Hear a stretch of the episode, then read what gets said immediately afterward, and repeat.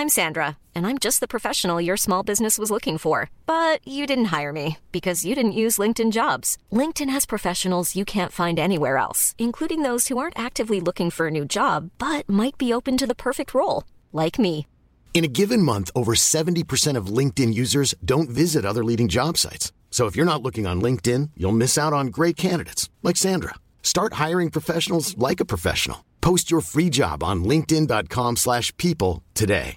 Ready to pop the question? The jewelers at BlueNile.com have got sparkle down to a science with beautiful lab-grown diamonds worthy of your most brilliant moments. Their lab-grown diamonds are independently graded and guaranteed identical to natural diamonds, and they're ready to ship to your door. Go to BlueNile.com and use promo code LISTEN to get $50 off your purchase of $500 or more. That's code LISTEN at BlueNile.com for $50 off. BlueNile.com code LISTEN.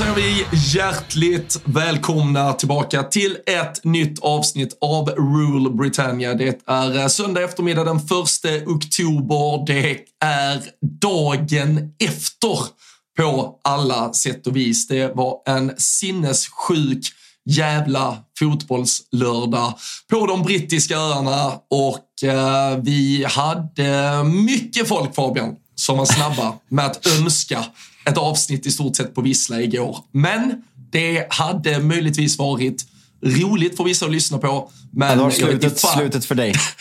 det varit slutet på det, det, det som bara är i sin linda just nu. Så äh, det är kanske, kanske bra att vi gav det lite drygt 24 timmar i alla fall.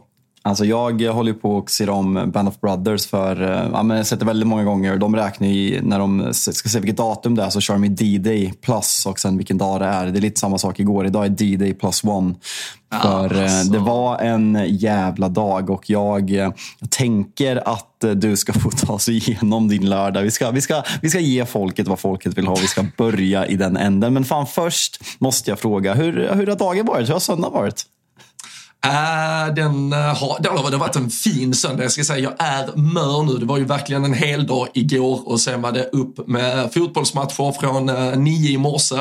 Dammat av det, ett litet släktkalas på det som skulle in här också och äh, nu äh, nu börjar allt komma ikapp en. Uh, både, både tröttheten och uh, ja, men man försöker landa i alla de här jävla känslorna som man har förträngt under förmiddagen. Men uh, jag, ja, jag skulle ju säga, att, alltså, eller jag tänkte säga att du har ju säkert haft en bättre dag men det, är ju vett i fan om du mår så jävla mycket bättre i ditt supporterskap heller.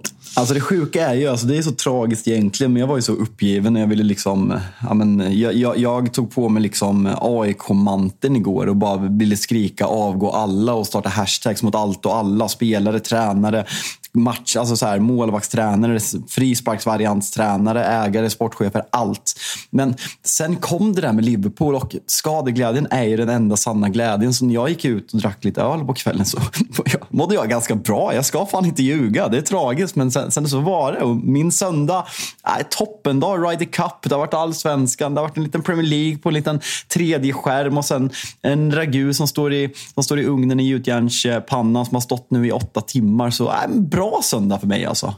Ja, fy fan. Ja, jag, en, en riktigt bra middag väntar snart här också. Så ska det, fan, så ska det väl kunna bli något eh, av den här eh, dagen också. Men, eh, men det var ju som sagt, alltså, det, och det är så här, man tar ju inte den diskussionen, men det var ju häpnadsväckande hur mycket Manchester United-supportrar som liksom ändå trillar in i ens olika trådar på Twitter efter Ja, att ja, Liverpool... ja, bland annat. Att, du, att du var där, att du skulle vara där. Det var, det var ganska låga odds eh, på det. Men, men det, det var ju som du säger, alla, alltså, det var ju bara helt bortblåst att de själv hade liksom losat hemma mot Crystal Palace. två timmar tidigare. Det, det, och vad, vad sitter ni på nu? Ni har typ nio poäng eller någonting uh, under den här säsongsinledningen på typ tionde plats. Men att Liverpool förlorar i 96 minuten, det är roligare och viktigare för er. Mm. Ja, alltså viktigare är det inte, men alltså, så här, det, det, tar ju bort lite fokus från oss. Och som jag sa, skadeglädje är en alltså, enda sanna glädjen. Så jag vill ju ändå backa mina röda kamrater där och eh, försvara dem till viss del. För man, eh, när allt är helvete för en annan, då vill man se blod på annat håll och det fick vi minsann göra. Vi eh, spårar tillbaka tiden ungefär 28, kanske nästan 30 timmar eh, Storträff Syd som ni kallar det. 300 oxtokiga Liverpool-supportrar ska träffas på en sportbar i Malmö. Och eh, fan, den här dagen måste väl börjat perfekt med 16 matcherna för er? Ja, nej, men vi, och vi drog igång redan 13.30. Uh, sen är det väl alltid då, då flaxar folket runt. Och eh, med all respekt för att eh, matchen verkligen bjöd upp på, till underhållning där, uh, Aston Villa-Brighton, så är det ju väldigt svårt kanske att ha någon form av känslor involverade i den matchen. Men, uh, men det var ju perfekt förrätt. Liksom. Det var ja, men bara rakt av underhållning. Man märkte ju att fantasygängen var på plats och, och firade Watkins hit och det var något Matty Cash dit och att man hade skeppat några Brighton-gubbar. Så det, det, var liksom, det var jävla fin ändå, uh, första match. Och sen som du säger så kommer ju Alltså 16.00. Vi körde United huvudskärm. Som sagt, det går båda vägar att skadeglädje är den enda sanna glädjen. Och äh, vi sa ju det, så länge det finns liksom möjlighet att United tappar poäng här, då, då är det huvudskärmen vi alla följer. och äh, även sen, att få då, vi går väl till halvtidsvila tror jag, va, med att Crystal Palace leder Everton, om de ligger under med 2-0 i paus. Eh, 2-0 där va? Mm, ja, precis. Och så City då ligger ju under också. Så alltså i paus där, då kan jag säga, då, då är det stämning. Sen börjar man väl känna kanske Everton börjar närma sig, när City väl får in 1-1 då känner man bara, United närmar sig fan aldrig. Nej, nej det var, det, jag, jag var så här, man, man, man ser alltid matchen på, på ett visst sätt i, i den bullriga miljön liksom och det var ju bara egentligen jobba in ja, men vinsten då för Pallas men jag satt och kikade en extended highlights, alltså det är ju någon halvchans i stort sett ni skapar, men det är fan inget, alltså verkligen aktivt tryck för att ens få in en kvittering. Ja, men det sjuka är, jag såg att United hade typ 1,96 i XG. Jag såg någon skicka ut på Twitter. United har samma XG som Aston Villa. Det handlar om att vi inte har skärp i avsluten. Men snälla håll käften istället. Alltså det, nu, ska vi, nu ska vi komma till United senare, men den här, den här insatsen är patetisk. Och spelarna som befinner sig på plan är patetiska. Och tränaren som efter mer än ett år i klubben nästan, vad är nu, 16 månader i klubben. Att inte se så här bättre ut när man har fått sina spel för så mycket pengar på är patetiskt. Vi ska komma dit sen. Eh, men ja, eh, ja det vart, eh, som du sa, det var bra stämning i paus och jag kan tänka mig att det blir ännu bättre när, när Wolves får in, får in 2-1 mot City och då börjar det nästan drömmas på riktigt va?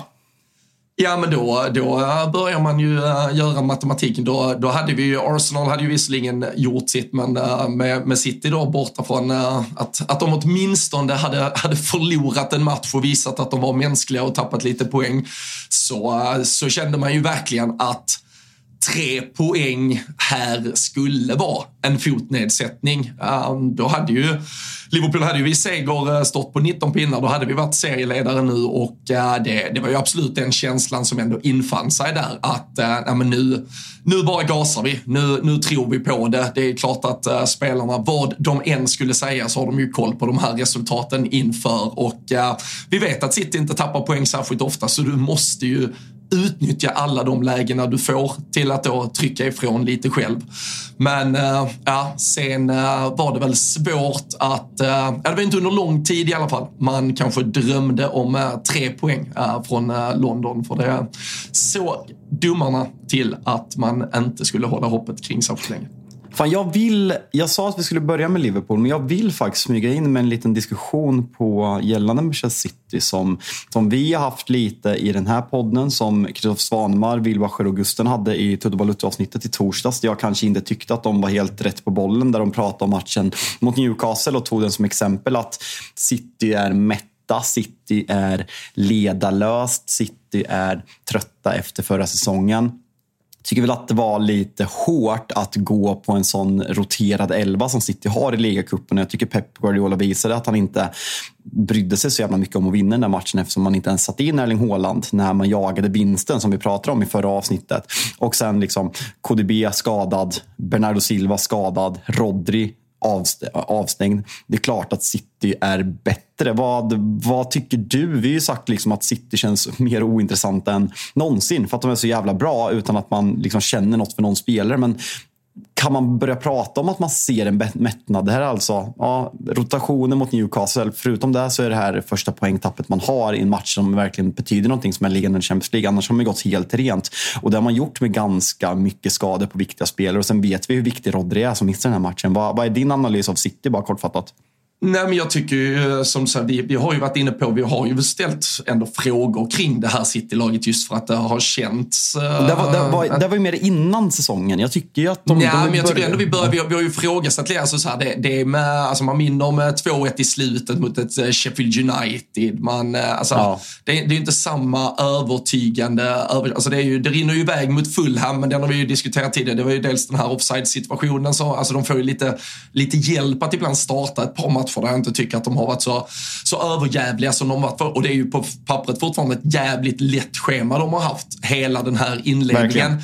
Det är inte mot sju lag. Alltså, alltså, de leder ligan, de har fortfarande spelat in 18 av 21 poäng. Men det gör ju de varje år mot den här typen av, alltså Newcastle som de möter i ligaspelet, det är ju på hemmaplan. Alltså så de tuffare matcherna på pappret är ju typ, de har haft West Ham borta. Det är liksom typ deras tuffaste match.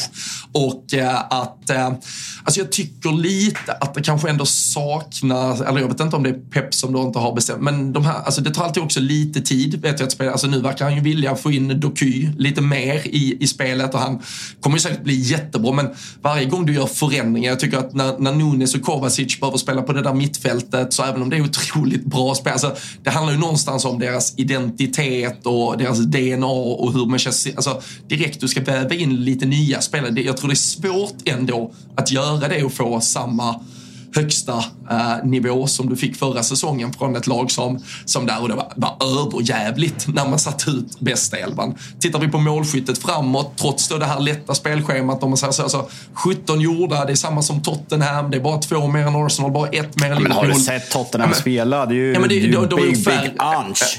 Ja men alltså vad fan, de har gjort färre mål än Aston Villa, Brighton och Newcastle. Och det, alltså, vi brukar ju prata om ett City som gör Ja men fan, det känns ju som de gör hundra mål, alltså direkt i stort sett bara säsongen startar.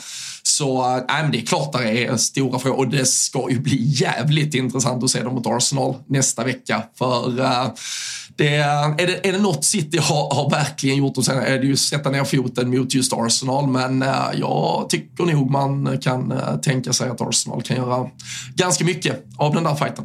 Alltså hade Rodri startat hade jag hållit City som ganska tydlig favorit. Men utan Rodri, jag tycker att han är... Ja, men jag, jag tror att folk vet, som lyssnat på mig tidigare, vet hur högt jag håller Rodri. Så jag tror nästan att Arsenal... Skulle jag tippa matchen nu så skulle jag absolut tippa Arsenal eh, som favoriter. Och det, det, handlar om den positionen kanske framförallt. Men just den här matchen, jag tycker att det, det, är så jävla svårt när det gäller City också.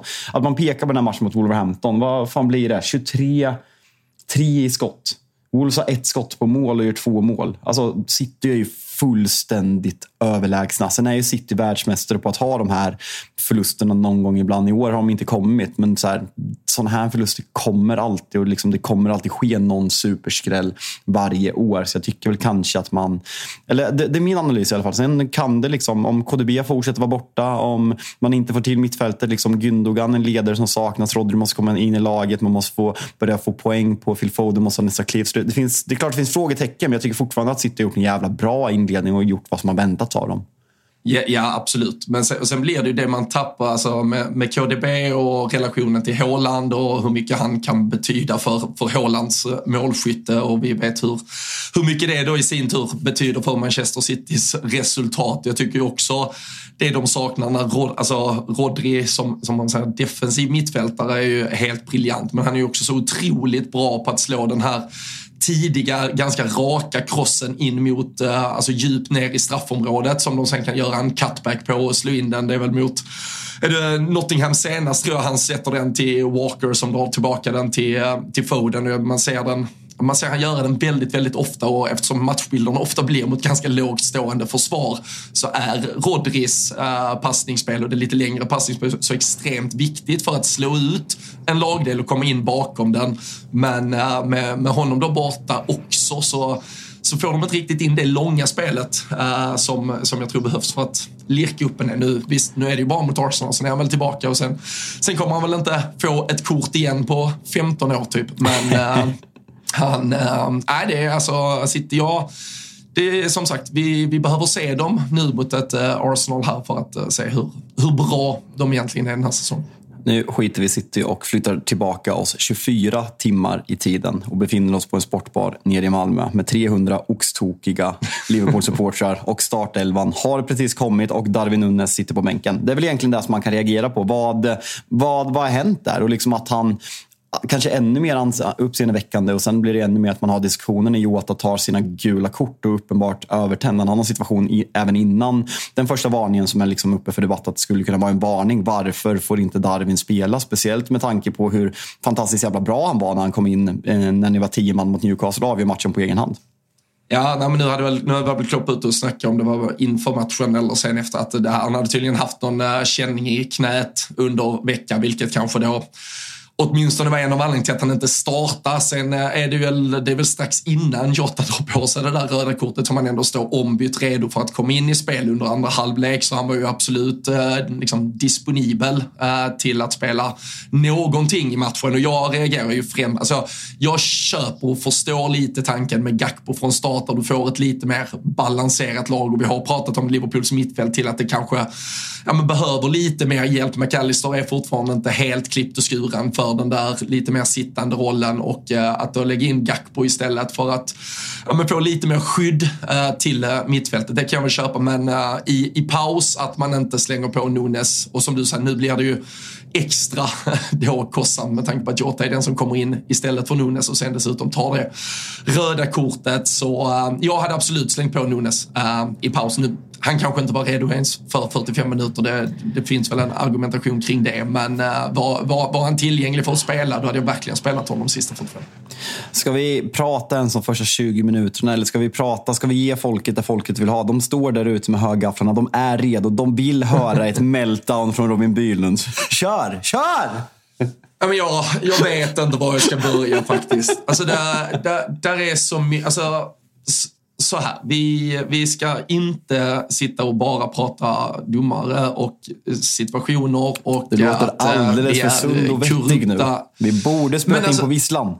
Ja, vi borde verkligen ha gjort det. Men, eh, men alltså det, det röda kortet på Curtis Jones, det är, alltså han, domaren ser situationen tydligt. Han bedömer den. Han tar ett gult kort och eh, jag tror alla egentligen är ganska fine och nöjda med det.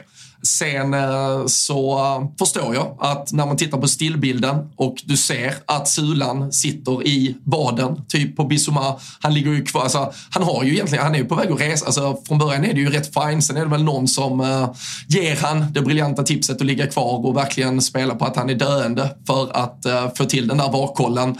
Och det jag tycker blir helt sinnessjukt med varkollen det är ju att när Simon Hooper kommer ut till... Så här, om du ska gå ut och kontrollera en situation, då startar du ju... Alltså, det, du behöver ju se vad som händer fem, från ungefär fem sekunder innan tills dess att eventuellt de här dubbarna sitter i hans ben.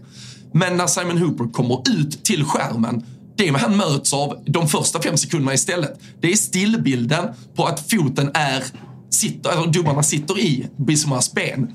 Alltså då är det klart som fan, då får han ju signalen rätt in i hjärnan att okej, okay, här har det begåtts överfall. Det här måste straffas. Sen spelar det ju ingen roll att han får se hur det gick till och att han glider över bollen och så här, Jag fattar, vi kan argumentera det fram och tillbaka och det kan till och med få vara ett rött kort. Men det är sättet det tas på som gör mig helt... Alltså det, där tappar jag det. Att när han har sett situationen, han har bedömt situationen, han har gett ett gult kort för den. Sen kallar domaren ut honom, VAR-domaren ut honom och säger ska du inte kolla på det igen och här får du en stillbild på den. För du kan hitta tusentals stillbilder i matcher där det ser ut som röda kort i stort sett. Men du måste ju för fan se det i rullande tempo. Du ser att han går på den där bollen, han glider med foten över bollen. Det är det som jag, och jag fattar, du är ansvarig för din egen kropp, det är hur du liksom, du ska akta andra spelare och allt möjligt. Men eh, jag, tycker det, jag tycker det blir helt fel sättet man säljer in det på. Eller ja, sättet som beslutet tas i alla fall. Jag tycker att det är så jävla svårt det där. För liksom, som du säger, när man ser det live så reagerar man knappt på det. Det är en hård satsning och det är oturligt alltså, att den Curtis kommer. Jones reagerar ju först för att han ska få gult kort ens. Ja. Alltså, han är, redan i den första reaktionen är han ju bara, vad fan, alltså jag, jag halkar in i honom på bollen.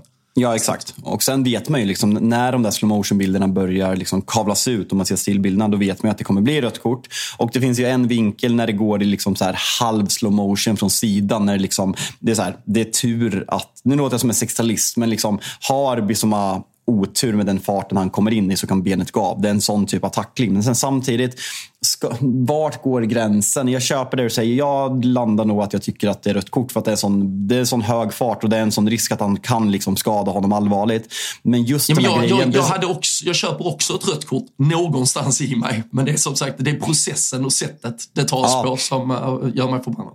Ja, nej, nej, jag håller med. Jag kommer inte ihåg, det var United hade någon liknande och man liksom tar stillbilder och så här, allt ser så fruktansvärt. Om det var, jag tror att det var Casemiro när han tar, inom situationstecken, stryptag på Will Hughes mot Pallas förra året. Och det är så här, se hela situationen i full speed. Det är inte rött kort. Alltså, sluta. Zooma in, kör slow motion, kör en stillbild. Mm, det går att argumentera att det är ett rött kort. Och det här blir liksom ännu värre när det liksom är liksom en sula på liksom ett, ett skenben. Så det, det är liksom, fan, låt, låt känslan vara vad den är från början lite mer. Sen just den här, jag tycker att det är rött kort för att det är aggressivt, för att det är ett farligt spel. Men nej, stillbilder och och slow motion gillar jag inte. Och liksom man vet ju att de, varummet sitter och rekommenderar ett rött kort och sen vill ju de sälja in argumentet att det är ett Exakt. rött kort till domaren när han kommer ut så att de ger den mest grova bilden. Så att han bara, så han bekräftar ju direkt, han känner ju direkt det där är rött kort för att han ser stillbilden och där, där någonstans är det fel. Det håller jag med om. Ja, han, är, han är ju på väg att vända. Alltså, han inser väl kanske efter någon... Att jag måste nog ändå se situationen. Men han är ju först på väg att nästan vända av att bara sett stillbilden. För att det är så uppenbart. Då, ja, då hade han ju inte ens behövt gå ut. Då kunde de bara sagt det här är, det är ett solklart jävla rött. Så, så ta det. Men, Men har vi, vi kommer ihåg för... och det var det ändå det minsta haveriet av domarna den där Men eftermiddagen.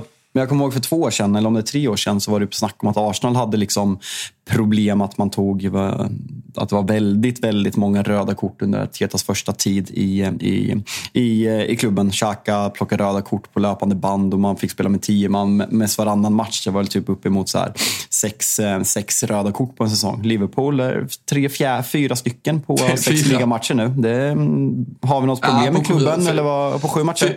Vi- Fyra på sju. Nej, nej men Ja. det är alltså... Ja. Nej, ja, det, det är faktiskt helt sin- alltså Normalt sett så brukar... Alltså, Psykfall, psykfall till spelare. Men alltså, Psykfall vi, till tränare. Vi, vi brukar ju toppa alltså fair play-ligan som för, för att kunna rendera någon sån här sjuk typ Intertoto Cup-plats eller någonting när man, eh, om man hade varit lite snäll under Tror säsongen. Tror fan IFK Norrköping gick, eh, fick en sån plats någon gång när eh, jag var ung och var och kollade på IFK Norrköping mot Slovan Li, Libres. Kan de heta så? Ja, ja. Slovan Libres.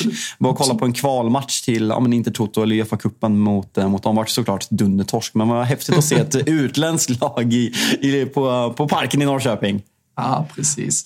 Men, eh, nej, men det, så det, alltså det är ju superextremt med, med, med fyra på sju. Det är, eh, och det är ju någonting man i alla fall måste, alltså vi måste ju vara med, alltså vi kan ju tycka och tänka att det, det är lite halvdåliga beslut i, i några av de här fallen. McAllisters fick ju också dras tillbaka eh, efter att man hade, man hade tagit det och sådär. Men det, men det spelar inte så jävla mycket. Du får, du får inte sätta dig i situationen att domaren kan ge dig rött kort. Det, det, du måste ju undvika det. Jag tror vi hade liknande diskussion kring van Dijk och så. Man kan, man kan tycka och vi kan tycka olika men det spelar ingen roll. Det är domaren där som kommer ta beslutet och vi kan aldrig veta exakt hur han kommer tolka regelboken och det är ju samma med Curtis Jones situation igår. Du måste försöka ansvara för att din kropp och din fot framförallt då inte sätts i en situation där du kan råka äh, ja, men, eh, på, på så sätt alltså, locka fram ett rött kort. Äh, så Liverpool måste ju se sig själva i spegeln också kring det här nu. Och äh, Diogo Jotas andra gula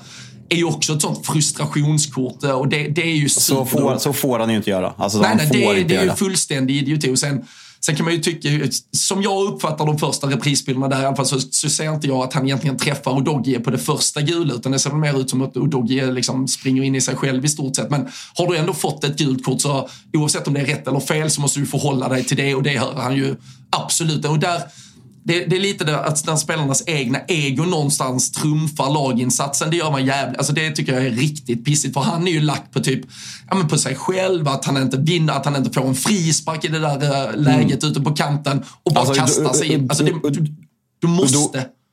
Ja, men Udogi går in stenhårt. Alltså, det är en jätteaggressiv brytning och liksom så här, som han tar, vinner bollen på. Men jag fattar frustrationen. Och sen, som du är inne på, jag, jag fattar verkligen till 100 procent igår liksom när man är uppe i varv, det är adrenalin, och pratar supportrar nu och man har blivit bortdömda på offsiden som vi inte ens har kommit in på. Och sen så på ja, men det, liksom, röda kortet. Liksom det blir liksom kaka på kaka och sen kommer det här och då börjar man argumentera att den första är billig. Men som du är inne på, man kan inte säga så i fotboll. För Jota, även om den, den första är, är, är billig, så måste han kunna hantera det och liksom utgå ifrån det. Han har ju som jag sa mm. tidigare alltså en situation i början, om det är fem minuter innan den första varningen, som liksom det går att argumentera för att han är varning. Så det är liksom, mm, jag, jag köper det för att man är liksom, äh, har adrenalin och lack på andra saker. Men jag tycker att det är ett väldigt dåligt argument att den första inte skulle vara varning när man får ett järn hjärnsläpp på en andra varning. För så, nej, så nej, alltså det, det, inte med det, fotboll. Det ligger ju ändå helt på honom. Uh, sen, sen tycker jag så här, och jag fattar också, det, det är absolut inte så här att det är domarens... Uh, ja,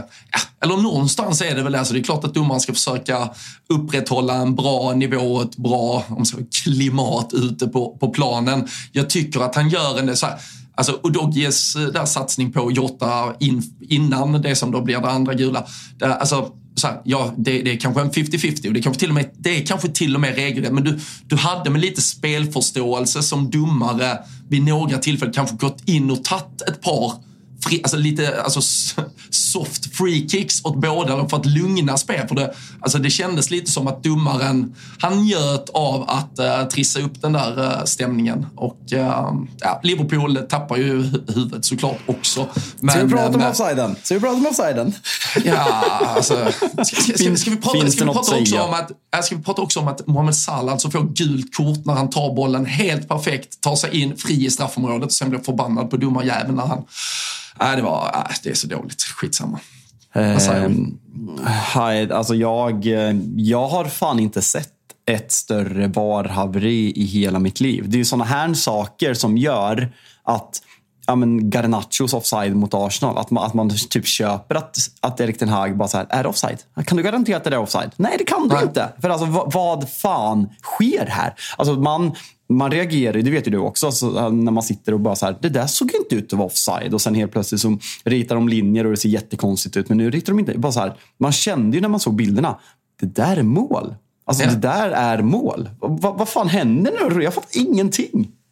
Nej, och jag tror väl alla har väl eh, så här med, ja men då lite här efter och eh, med den ursäkten som kom från eh, domarorganisationer och alla. Är du, är du tror, trött på ursäkter eller? Äh, nej, men alltså det, det, det, det, det, nej, men det måste de också sluta med. Och i så fall, för i så fall måste det finnas, och, så här, och jag fattar också att det inte kan på något sätt gå att dela ut några jävla tröstpoäng hit eller att det ska och Folk är också så jävla Folk på Twitter måste få, alltså så här, om jag skriver på morgonen här söndag att när ska vi spela om? Folk kan inte tro att jag tror att matchen ska spelas om. Alltså det, ra måste... det raderades lite tweets i morse va? Går nej, nej för fan. Aldrig någonsin. Aldrig någonsin. Men, eh, men, men, alltså, men ja, som, som sagt, det som sker är ju att uh, domaren kollar ju om, uh, om det är offside. Han konstaterar nej, det är inte offside. Och då säger han ju till teamet ute på planen att Uh, Carl Stantz, alltså det beslutet ni har tagit, det är det som gäller. För han, där, tror, var, han de, tror... De tror att det är mål, eller hur? I, I varummet tror de att det har dömts mål och att uh, assisterande domaren alltså inte har höjt någon flagga. Ja. Utan de tror bara att det är mål, men att de ska kolla det. Och uh, då säger de bara, nej, nej, ert, ja, typ som ert beslut är, det är bara att köra. Och det måste ha känts lite i magen när då Tottenham bara lägger upp bollen till frispark och rullar igång spelet och varummet inser att de har fuckat upp det fullständigt. Ja, men alltså så här, just grejen så här, att, att det har gått en frispark. Vad är det för jävla regelbok om man Exakt. begår ett misstag? Så här, och man får inte döma i mål för att Tottenham har satt igång en snabb frispark. Nej, det, det, vad, är det, det, vad är det för jävla grundregel? Nej, exakt. Det är ju den sjukaste. Alltså det, det, det är... Det, fine, om det tar, fine om det tar 20 minuter. Då, då, det är klart ja, att du inte kan gå tillbaka. Men nu tar exakt. Här är det ju, domaren i varummet tror ju att han, han tror att han har godkänt Liverpools mål. Tre sekunder senare, då ser han spelet starta med en frispark istället för den planerade avsparken. Han ser ett Liverpool-lag som surar istället för att fira. Det, det, han måste ha insett där och då direkt att det har blivit fel. Att då inte skrika ut till, istället för att få en jävla skriven ursäkt en kvart efter matchen är slut. Skriv för tusan, eller bara direkt in där. Skrik till domaren, wow, wow, wow, det har blivit helt Alltså det skulle vara mål, inte offside. Sorry, dra tillbaka det. Och då är det väl för fan bara för domaren att blåsa. Nej killar, för fan, ni skulle inte ha spartat spelare. Sorry, fel av oss. Det var mål, vi missförstod varandra. Mål är det som... Då har du ju tagit rätt beslut. Sen om det står något finstilt i en jävla regelbok att det är fel process fram till mål och igångsättande av spel. Jag bryr mig mindre. Alltså, det spelar ju ingen roll. Det måste ju trumfa än att du direkt efter matchen erkänner, nej vet du vad, vi fuckade upp det fullständigt. Det är det, det, är det absolut sjukaste med allting, att man inte korrigerar det. det fem sekunder hade det tagit att korrigera det direkt när det sker. Alltså man ser ändå skillnaden när Gary Neville satt och sa i Sky Sports igår att han tyckte synd om er. Jag sitter här och lutar mig bakåt och har öppnat popcornpåsen och, och njuter för fulla muggar när jag hör det här. Det är total gåshud faktiskt. Ja, men det, är, men det, är också, nej, men det är också bara helt... Alltså, vi, men vi kan inte ha... Alltså, Nej, det, nej det, det, måste, det måste lösa. Och det, och det, men, alltså, men, och så, men, det, det, det, är klart det förstör hela matchen sen också. Liksom. Det, det sätter ju sig och det är ju... Oh, jag orkar liksom inte bli konspiratorisk. men det är också helt uppenbart att alla i Big, domar... Big Ange har charmat hela England och även domarkåren. Mm. Nej, men där, nej, men däremot så hatar ju domarkåren alltså, så här, Jag kan köpa att de gör det, men du måste ju ändå utföra ditt arbete professionellt. Men alltså, Klopp hatar ju dem allihopa nu. Alltså, Paul Tierney och gänget, det, nej, men han, han avskyr dem alltså, fullständigt. Och det, alltså nu, ja, fan, men alltså det, ja, det slutar väl med att man, uh, vi missar liksom, uh, titeln med en pinne när vi summerar allting. Jag tycker, att, eh, jag tycker att Jonas Eriksson, tidigare domaren som ska ut på eh, turné nu och liveshow, blir man nyfiken på hur pigga spaningen han kommer ha med tanke på det här Instagram-grävet han gjorde i förmiddags. Han skriver alltså, det finns bara en möjlig förklaring till hur, hur till hur det blev så fullständigt fel igår mellan Tottenham och Liverpool. VAR trodde felaktigt att teamet hade dömt mål och bekräftade därför beslutet.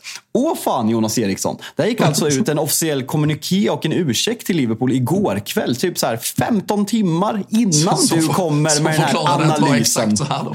ja. Nej, det, det är otroligt. Men, Nej, men, det som är, men det, det, som är, det som är, nu, nu vet jag inte hur bilderna ser ut. Nu kanske de inte har om man säger, den typen av grafik när de tittar på skärmarna. Men det som syns annars på bilden vi får när man tittar på, på målet, då står det ju också checking potential dis, eller checking disallowed goal. Så då, det som kollas är ju att målet har dömts bort.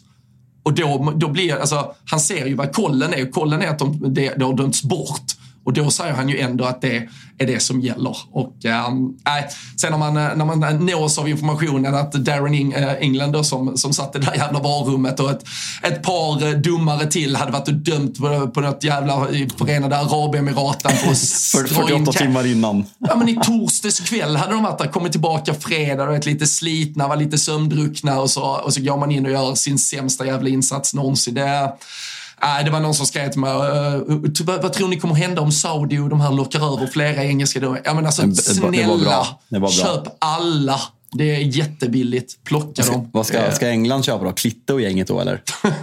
ja, fy fan. Alltså Klitte hade gjort det bättre. Fy fan. men Glenn, heter, Glenn Nyberg. Ja, Glenn, ja, men Glenn Nyberg är bra. Men vad heter det? Ska nämna Son gör jävligt snyggt 1-0 mål. Fortsätter spela nio. Intressant att se att Richarlison utgick från vänster och fick även in assisten. Ett riktigt, riktigt snyggt mål. Eh, där, där Son fortsätter leverera som nia. Även ja, men Liverpool gör ju bra. Det känns så här. Sitta och prata om matchbilden i den här matchen. Det känns Liksom. Jag tror att folk fattar att man, analyserar, att man eh, tar andra vinklar på det, för det är inte så jävla kul. Jag tycker Liverpool gör en jävla kanoninsats med tio man och sen även såklart med när man är nere på nio man. Men om du ska... Men alltså, för, fan, fan, Robin, fan, ja. ja, men fan vad man inser där på talet. Alltså, tio spelare, det, det, är fortfarande en fotbollsmatch. Men hel, alltså, så här, Tottenham är också bra.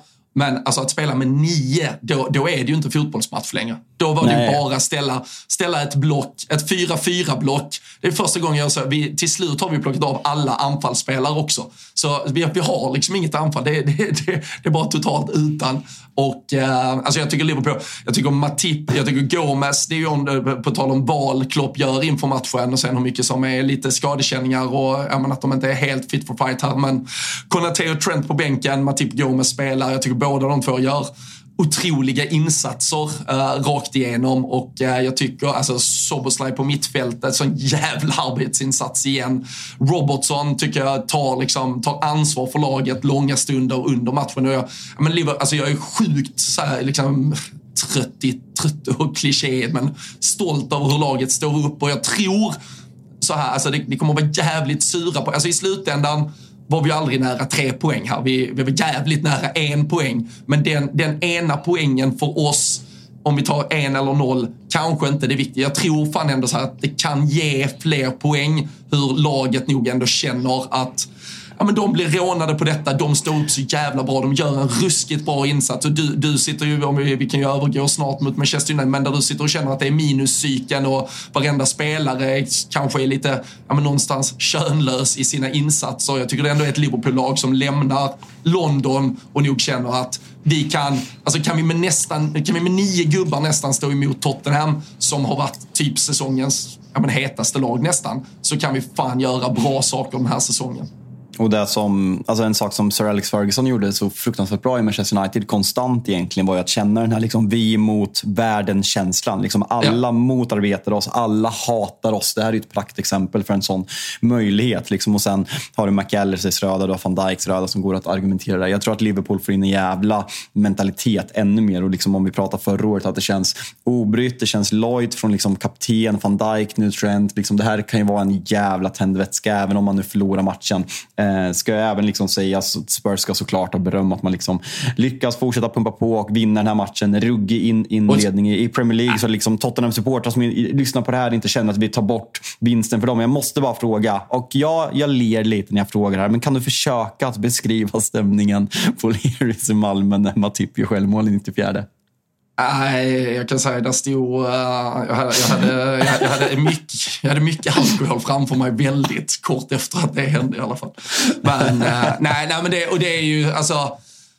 Och att få, alltså efter den här, för, för som sagt, det, det hade, alltså att, att kunna få lämna detta här med, med en poäng och känna att vi, fan, vi, vad, vad vi har gjort ändå. Jag tyckte, jag tyckte verkligen insats, jag tyckte spelarna förtjänade att få, få med sig något från detta. Men uh, äh, sättet det kommer på och att han trycker den rätt upp i krysset. Och, alltså, Alisson, det, är, det är snyggt. Alltså, all, ja, men alltså, och Alisson är ju så jävla bra den här matchen också, så det, ja. är, det är inte klokt hur bra han är. Inte, inte topp 10 i världen, va? eller vad sa vi? Nej, det, var, det är väl Onana och grabbarna som är där. Ramsdale är väl där också. Arsenals ja. tvåa är före oss. Marocko, Marockos, vad heter han, Bono? Han är ju bättre. Bono. Ja, ja, han är med. Alla är bättre. Alla är bättre. Ja, nej, men alltså Nej, det, nej, det är fy fan bara. Där, där var det mörkt kan jag säga. Imagine the softest sheets you've ever felt. Now imagine them getting even softer over time. That's what you'll feel with Bowl and Branch's organic cotton sheets. In a recent customer survey, 96% replied that Bowl and Branch sheets get softer with every wash. Start getting your best night's sleep in these sheets that get softer and softer for years to come. Try their sheets with a 30-night guarantee. Plus, get 15% off your first order at bowlandbranch.com. Code BUTTERY. Exclusions apply. See site for details. Mom deserves the best, and there's no better place to shop for Mother's Day than Whole Foods Market. They're your destination for unbeatable savings, from premium gifts to show-stopping flowers and irresistible desserts. Start by saving 33% with Prime on all body care and candles. Then get a 15-stem bunch of tulips for just $9.99 each with Prime. Round out Mom's menu with festive rosé, irresistible berry chantilly cake, and more special treats. Come celebrate Mother's Day at Whole Foods Market. Hiring for your small business? If you're not looking for professionals on LinkedIn, you're looking in the wrong place. That's like looking for your car keys in a fish tank. LinkedIn helps you hire professionals you can't find anywhere else, even those who aren't actively searching for a new job but might be open to the perfect role. In a given month, over 70% of LinkedIn users don't even visit other leading job sites. So start looking in the right place. With LinkedIn, you can hire professionals like a professional. Post your free job on linkedin.com slash people today. Men vet du en sak Robin? Snäll som jag är så får du helt enkelt välja vart vi ska gå vidare nu. Du får ta vilken match du vill som vi ska prata om. Vilken händelse, vilken anekdot. Du får välja, du får välja och vraka. Ja, nej, men vi, jag tycker vi tar oss eh, till eh, Old Trafford eh, och river upp de, de såren du har försökt läka genom att få gotta dig i Liverpools misär istället. Det var Ja, men vad var det egentligen från Manchester United? Du var ju faktiskt lite positiv för första gången efter Midweek-cupspelet mot då också Crystal Palace. Eh, Sofian Amrabat var ju tydligen Guds gåva till eh, Manchester-fotbollen och eh, det var ett United som eh, tuggade igång rejält. Men eh, det var inte mycket i det plaskvåta vädret som det bjöds på från både Manchester, jag noterar i Everton-matchen var det samma scener från Liverpool ungefär, men äh, spelet värmde nog inte i det där vädret för fansen som var på plats.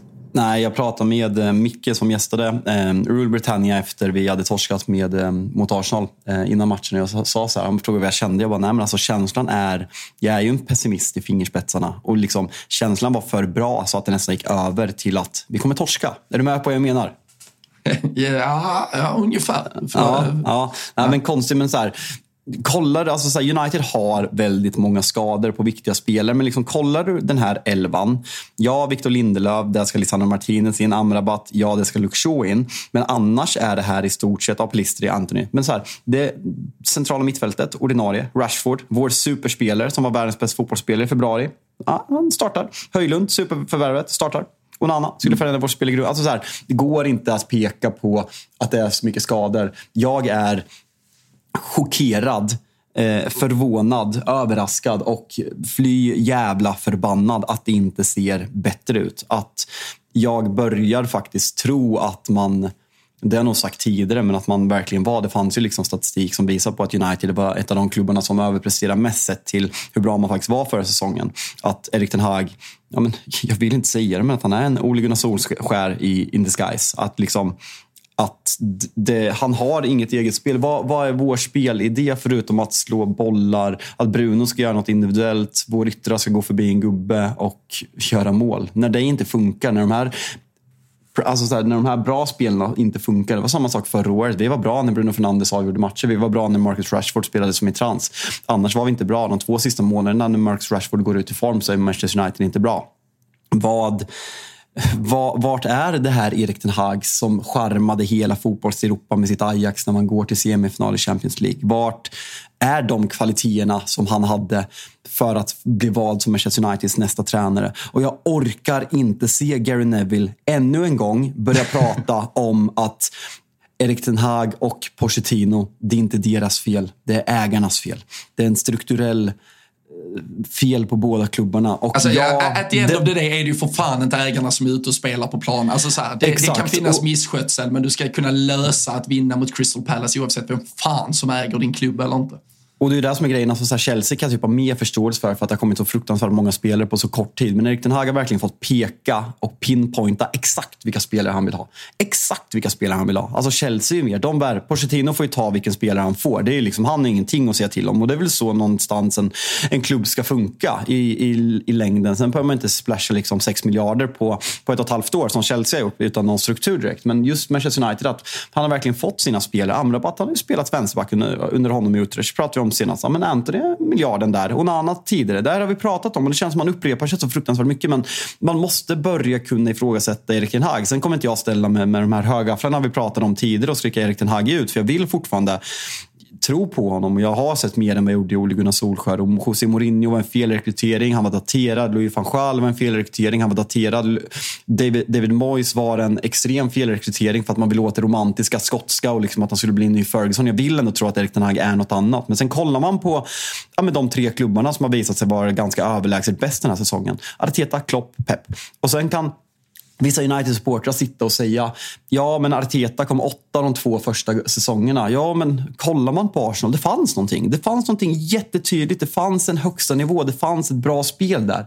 Kommer Erik Ten Hag någonsin kunna slå de här tre tränarna? Ja, någon säsong kommer han kunna slå någon av dem. Likt han slog Klopp förra året för att Liverpool gör en usel säsong och är mitt i nybyggnad. Kommer Erik Ten Hag någon gång slå alla de här tre tränarna samtidigt när de är på högsta nivå? Jag tror inte det. Och vart lämnar det oss? Jag, eh, det cirkulerar ju de här ja, men, backa tränaren, ge honom sina värvningar, an, anlita en ny manager, ge honom sina värvningar, gör en bra säsong, kvalificera sig för Champions League. Sen så värvar man B-spelare, man är mediokra andra säsongen och sen så börjar man skrika på att han ska avgå och sen så får han sparken och sen börjar cykeln. Det är liksom Manchester Uniteds cykel de senaste tio åren och det har gått där. Och jag vill inte gå dit, men det är klart att man börjar bli orolig när man ser det här. Alltså, du, du säger könlös för när du beskriver Manchester United. Alltså, jag skulle säga själlös, hjärtlös, personlighetslös. Alltså, jag, jag börjar alltså, verkligen avgå alla jävla idioter ja, det, är vad de är. Nej, ja, men det är väl framförallt också, jag, jag känner väl lite alltså det, det ni saknar är ju någonstans det, alltså, den, den kollektiva styrkan. För lite som du var inne på, när, när Rashford var extremt het och bra och var, spelade som i trans, då var då, då, alltså, då är det ju trots allt eller någonstans hans individuella prestationer som, som ger er en resultatrad under ett, eh, under ett tag. Bruno har haft de där pikarna där han nästan på egen hand har löst vinster, poäng och eh, vad som då har sett ut som ett, ett United som eh, börjar hitta någon harmoni. Det, det är ju fortfarande, ja, jag, jag, kan inte, jag vet inte riktigt hur ni spelar fotboll. Jag vet inte riktigt vad er idé är. Det vet, faktiskt. det vet inte jag heller. Och det är därför, förlåt att jag avbryter, men det är där Erik Ten Hag pratar om hela jävla tiden. Att spelarna gör inte vad han säger. Du har tränat klubben i 16 månader. Det är ditt fucking uppdrag att lära ut spelarna vad, vad du vill och göra. Det är du som har värvat de här spelarna. Du har värvat dem för att de vet vad du vill att de ska göra för väldigt dyra pengar. Hur kan det se så jävla dåligt ut? Postecoglou kom ut till ett dysfunktionellt Spurs som har spelat under tre jävla dödgrävartränare och fick dem att spela bättre fotboll än vad Manchester United har gjort på tio år på två dagar. Alltså det,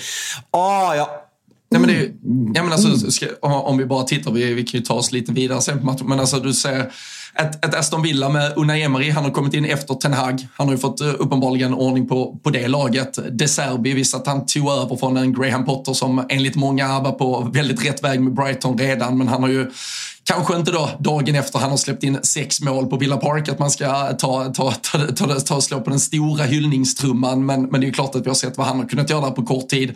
Och Eddie Howe då som inte egentligen har varit jättemycket längre i Newcastle men som har fått jäkligt bra ordning uh, på dem också. Så som du är inne på där, att Ten Hag, eh, han kan inte heller Alltså, det, det, det, är inte många andra som har haft så jävla mycket mer tid och fått göra så jävla mycket mer. Utan tittar du på tränarna, både vad gäller tid och hur mycket han har fått välja och eh, vraka och bestämma och kunna bygga en trupp utifrån hur han vill att den ska se ut så, så är det ju väldigt mycket hans lag nu och det är klart att han måste börja ta ansvar för att, att spela. För det är, det är lite det jag kanske eftersöker. Det är ju så här att ni, ni hade mycket väl kunnat ta kanske fler poäng och, och som du är inne på, men det, det är väldigt mycket de individuella. Det hade varit en sak om ni förlorade en match mot Crystal Palace men man kände att ni ändå hade att spelet så att ni bara bombarderade dem fullständigt. Men det är ju att ni faktiskt inte ens spelar så jävla mycket bättre än Crystal Palace, vilket, vilket är uh, ja, men oroväckande såklart för er.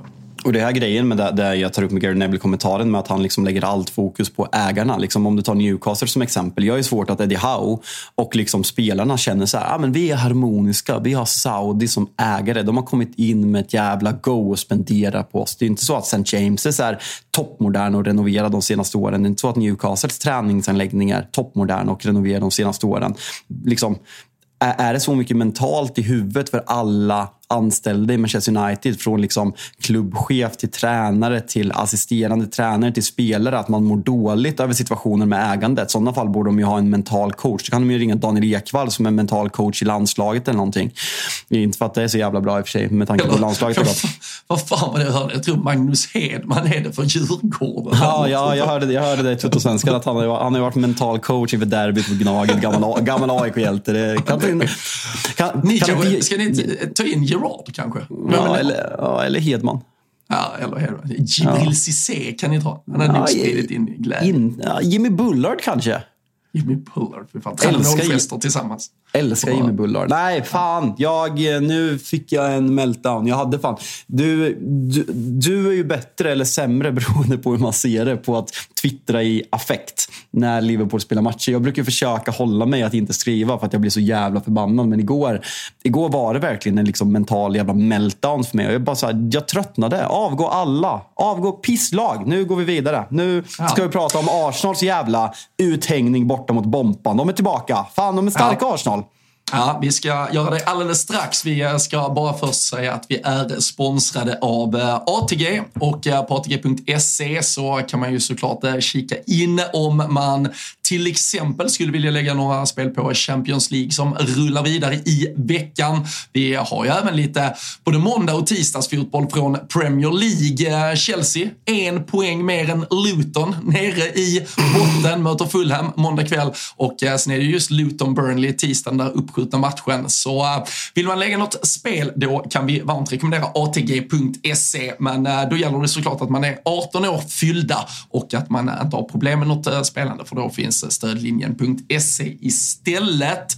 Men eh, Arsenal 4-0. Saka såklart från start. Han eh, bryter inte sin eh, långa svit av att starta för det Arsenal-laget. Eh, hade någon på Twitter som eh, skickade ut inför matchen att eh, det var ju 8-10 Arsenal-spelare som skulle missa den här matchen på grund av skador. Och eh, då skickade jag ut att minst fyra av de här kommer vara i truppen. Till slut var det fem. Det var ju bara mörkläggning på allting. Och eh, till och med Kai Havertz får rulla in en boll för Fabian, då vet man att det var enkelt nere på sydkusten för Arsenal. Ska jag börja med mitt... Jag, jag måste ju håna Arsenal en gång, Arsenal-fans här, en gång per avsnitt. Ska vi, ska vi börja där i den ändan innan vi hyllar dem eller? Alltså, eh, som sagt, det är dina mentions och eh, du gör vad du vill med dem. Men vad var det som hände där på 3-0 målet? Om, eller om det var 4-0 målet. Det, det, såg ju ut som att så här, någon, något barn hade vunnit på Lotto så här, nu ska du få vara med dina stora idoler och liksom uppfylla din största dröm och få slå en straff i en Premier League-match. Alltså, det såg ut som jag vet inte vad det såg ut som. Alltså, vad, vad fan är det med Kai Havertz? Och sen så, nej, ja, nej, nu lämnar vi det. Nu orkar jag inte mer. det, det, det, var den ni fick den här veckan. Det var den ni fick den här veckan. Ja, alltså, så, alltså så här, man är ju, nej, eller man är absolut inte svag för när man släpper fram någon som ska göra mål bara för att. Men det som triggar en så jävla mycket är ju den potentiella chansen då som jag såg det, att han skulle missa och liksom tryckas ännu djupare ner i eh, de där skorna. Det, alltså, jag, jag, vet inte hur mycket det liksom boostar Kai Havertz framåt att han fick rulla in en straff till 3-0 mot Bournemouth borta. Men äh, känns nästan som en onödig alltså, Speciellt med hans äh, psyke känns det inte som att han är helt mentalt stabil. Nej, alltså, jag, jag har ju svårt att se att en sån där sak kan ge sånt jävla självförtroende. För det känns ju liksom så här att mina lagkompisar tycker synd om mig för att jag varit så jävla dålig. Så att de låter mig slå en straff. Jag, jag, jag har personligen svårt att se det. Sen kan man väl se liksom det, det fina i det. Alltså Arsenal verkar ha ett jävla gott, gött gäng där de liksom lät som Glenn Hysén när jag säger gött. Men eh, de, Glenn Hysén hade beskrivit Arsenals, stämningen i Arsenal Football Club som ett gött gäng. Man ser liksom, ja, men unga spelare, folk förlänger till höger och vänster och liksom firar tillsammans. Det, det ser ut att vara jävla bra stämning. Så jag kan ändå, så här, jag kan ändå se det fina i att man släpper fram Kai Havertz och firar så mycket med honom. För det, det, det är väl något ja, bra i grund och botten. Och, och, det är ju coolt tycker jag med deras, alltså just sättet de har tagit, att, att Ödegård och, och Saka, alltså nu, det är inte så här att de är purunga och det är inga 17-åringar som springer där, men de är ju trots allt i, i sammanhanget fortfarande väldigt, väldigt unga och eh, liksom bara i eh, lindorna på fantastiska fotbollskarriärer och redan så, ja, men så viktig. Det, det är en eh, jävla härlig ungdomlig entusiasm runt det där Arsenal-laget och, och sen kan man ju tycka att sånt där med att uh, vikten av att fira i ringar och ofta ibland kanske efter ett, ja men även, det kan vara mål både framåt och bakåt egentligen så ska man samlas och grupperas och även ja, efter jag, matcher. Jag gillar sånt.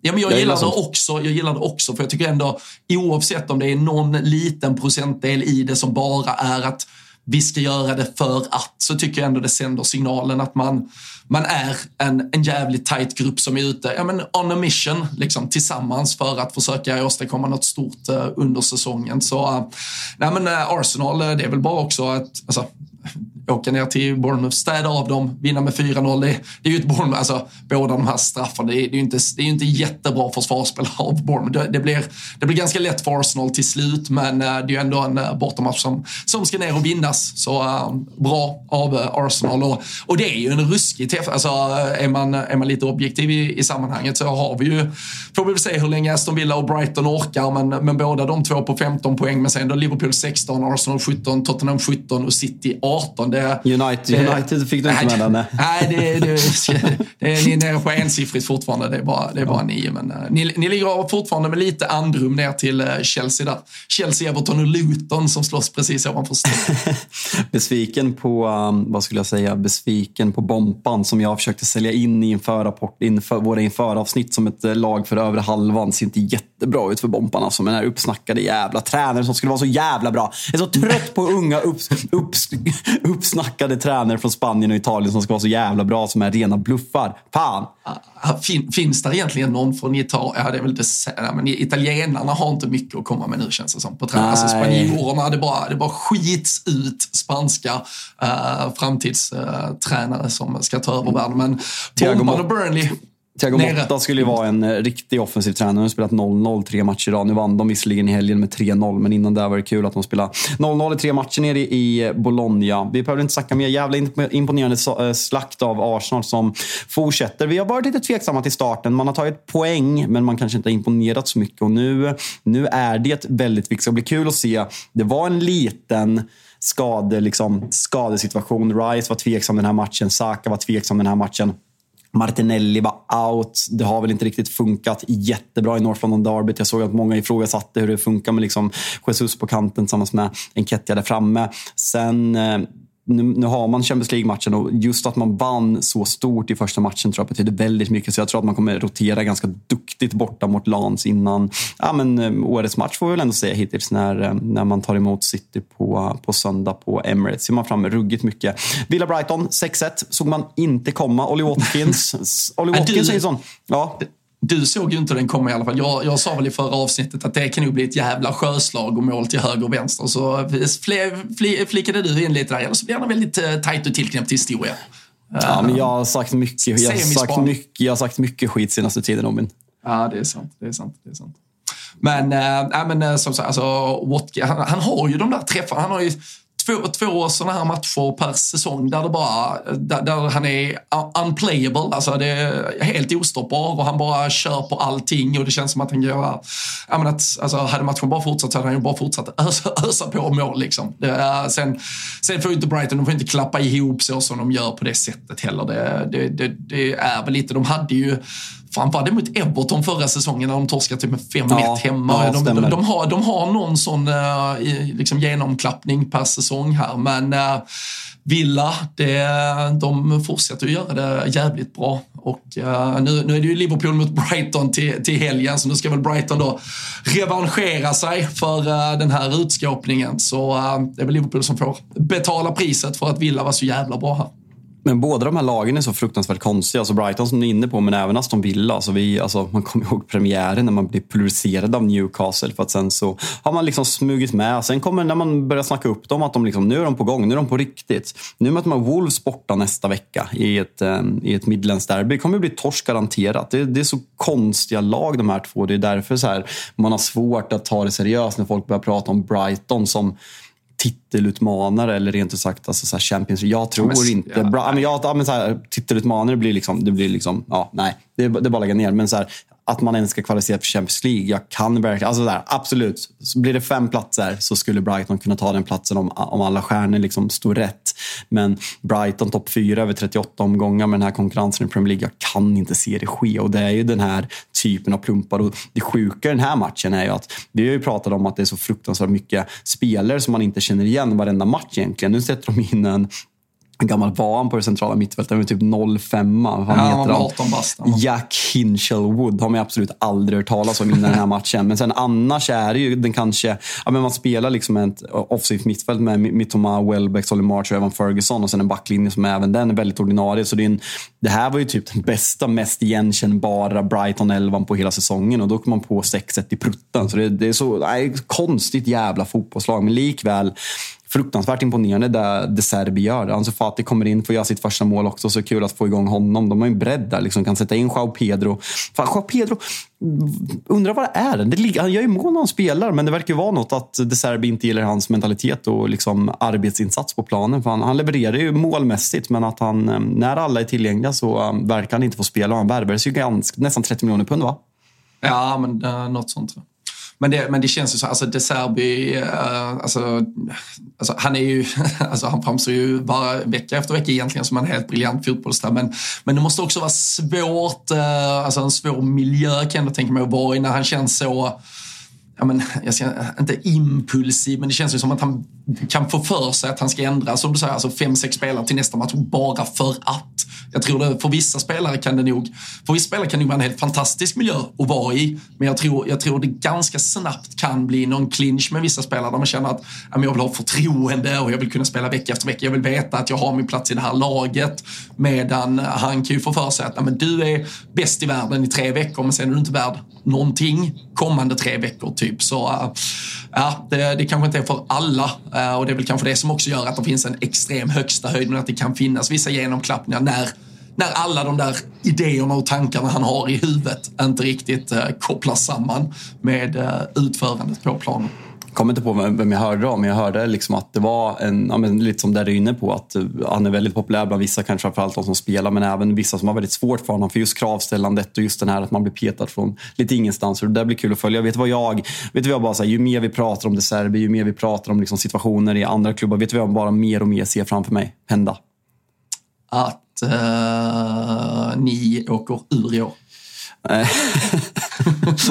alltså det står väl i samma odds som det jag ska presentera, ungefär två gånger pengarna. Men eh, att De Serbi tar United när Erik Ten Hag får sparken och gör en ganska bra första säsong och sen tog floppar och visar sig vara en bluff.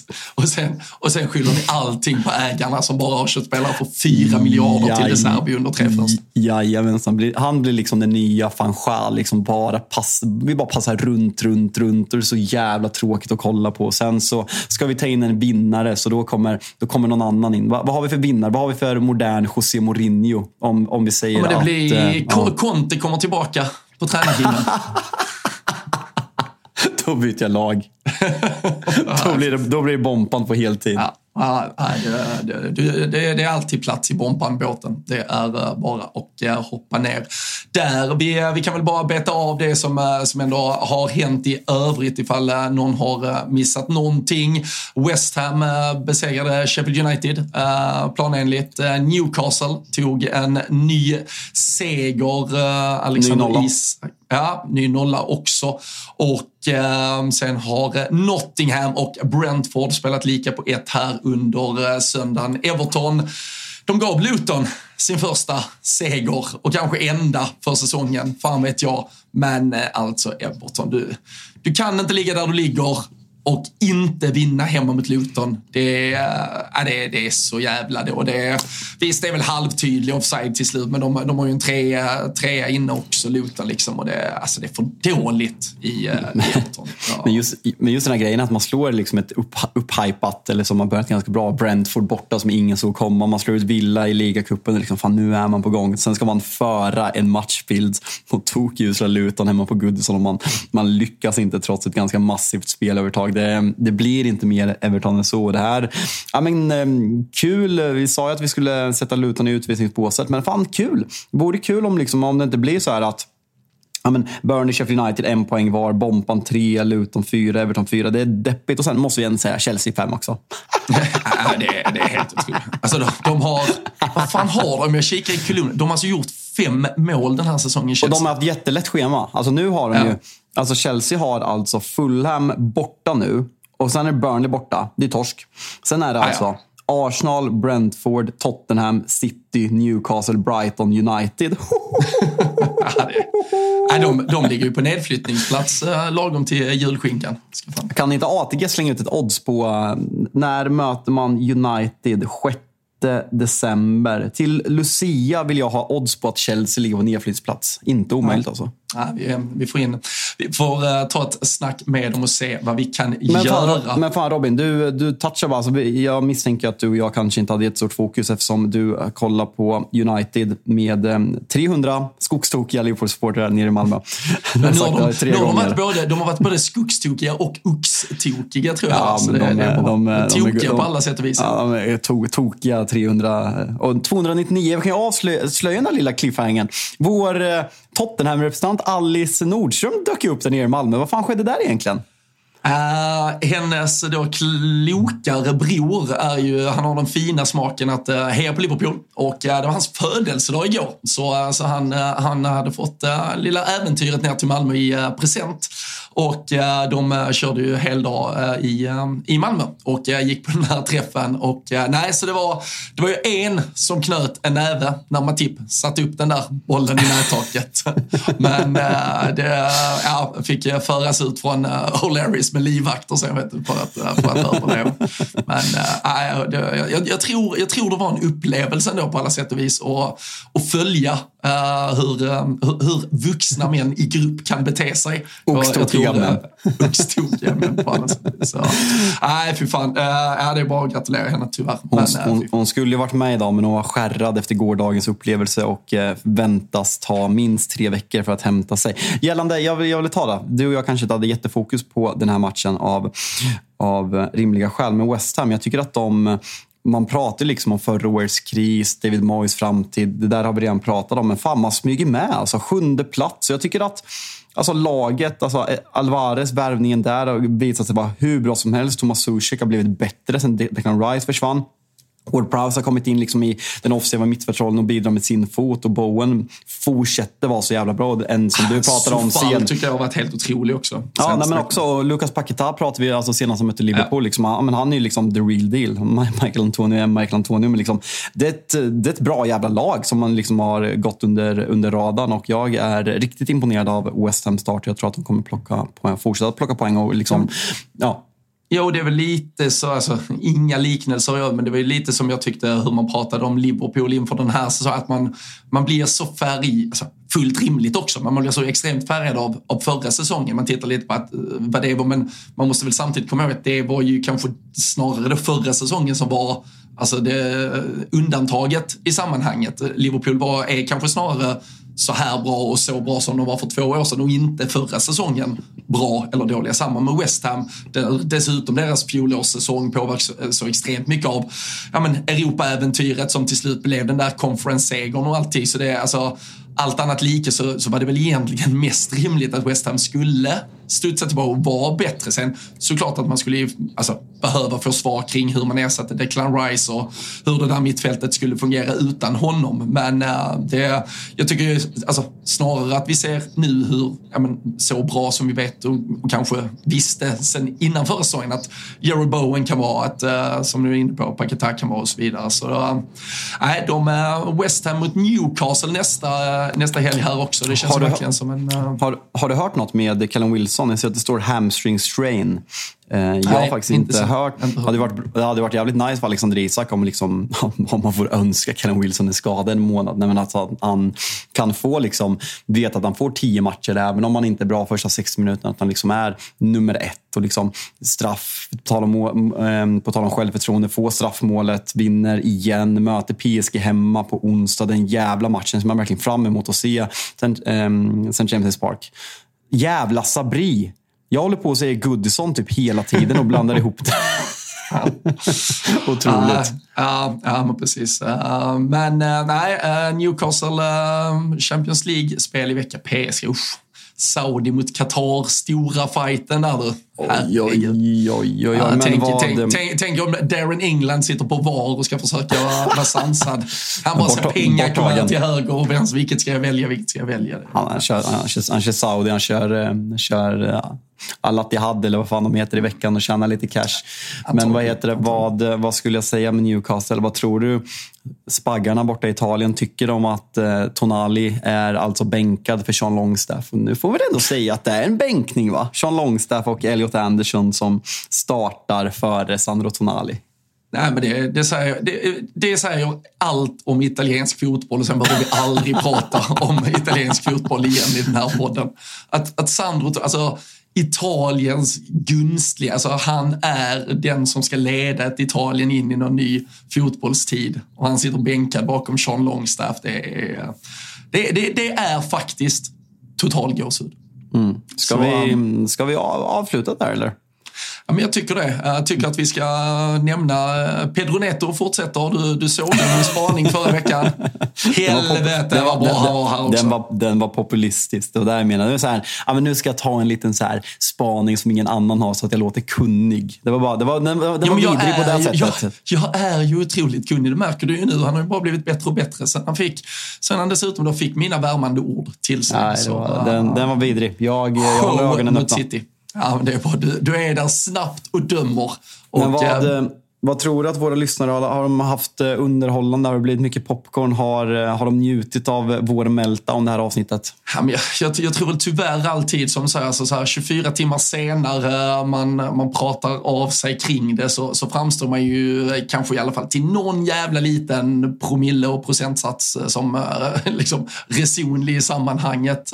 En, en livepodd från O'Larrys igår kväll. Då, då alltså popcornen, eh, de, alltså popcornmaskinen på O'Larrys hade sprängts av hur det hade käkats. Liksom.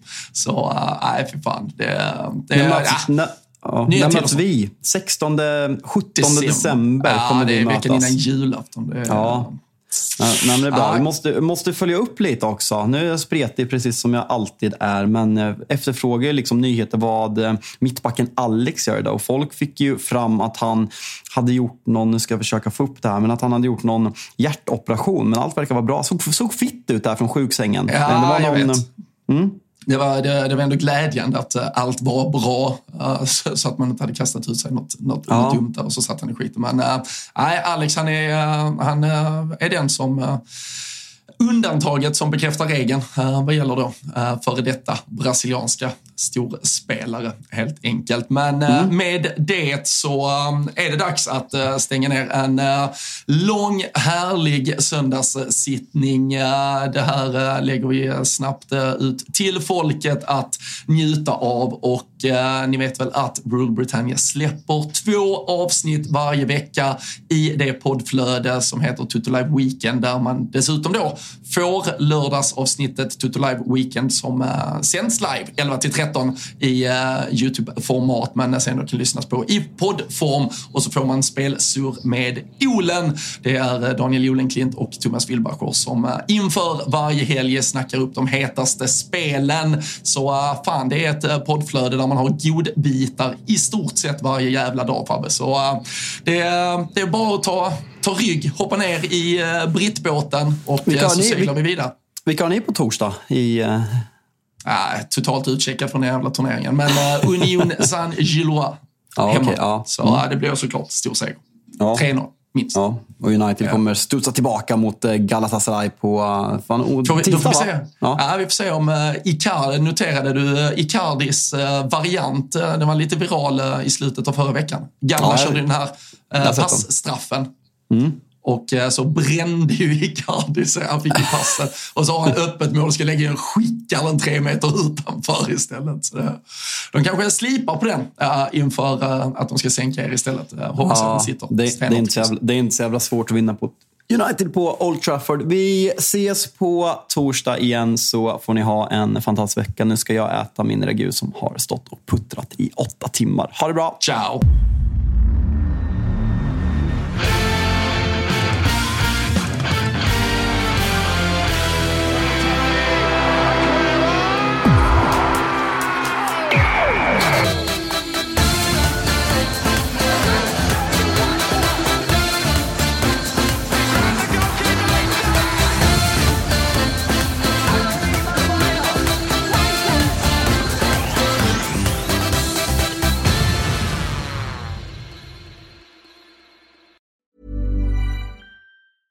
Mom deserves the best, and there's no better place to shop for Mother's Day than Whole Foods Market. They're your destination for unbeatable savings, from premium gifts to show-stopping flowers and irresistible desserts. Start by saving 33% with Prime on all body care and candles. Then get a 15-stem bunch of tulips for just $9.99 each with Prime. Round out Mom's menu with festive rosé, irresistible berry chantilly cake, and more special treats. Come celebrate Mother's Day at Whole Foods Market.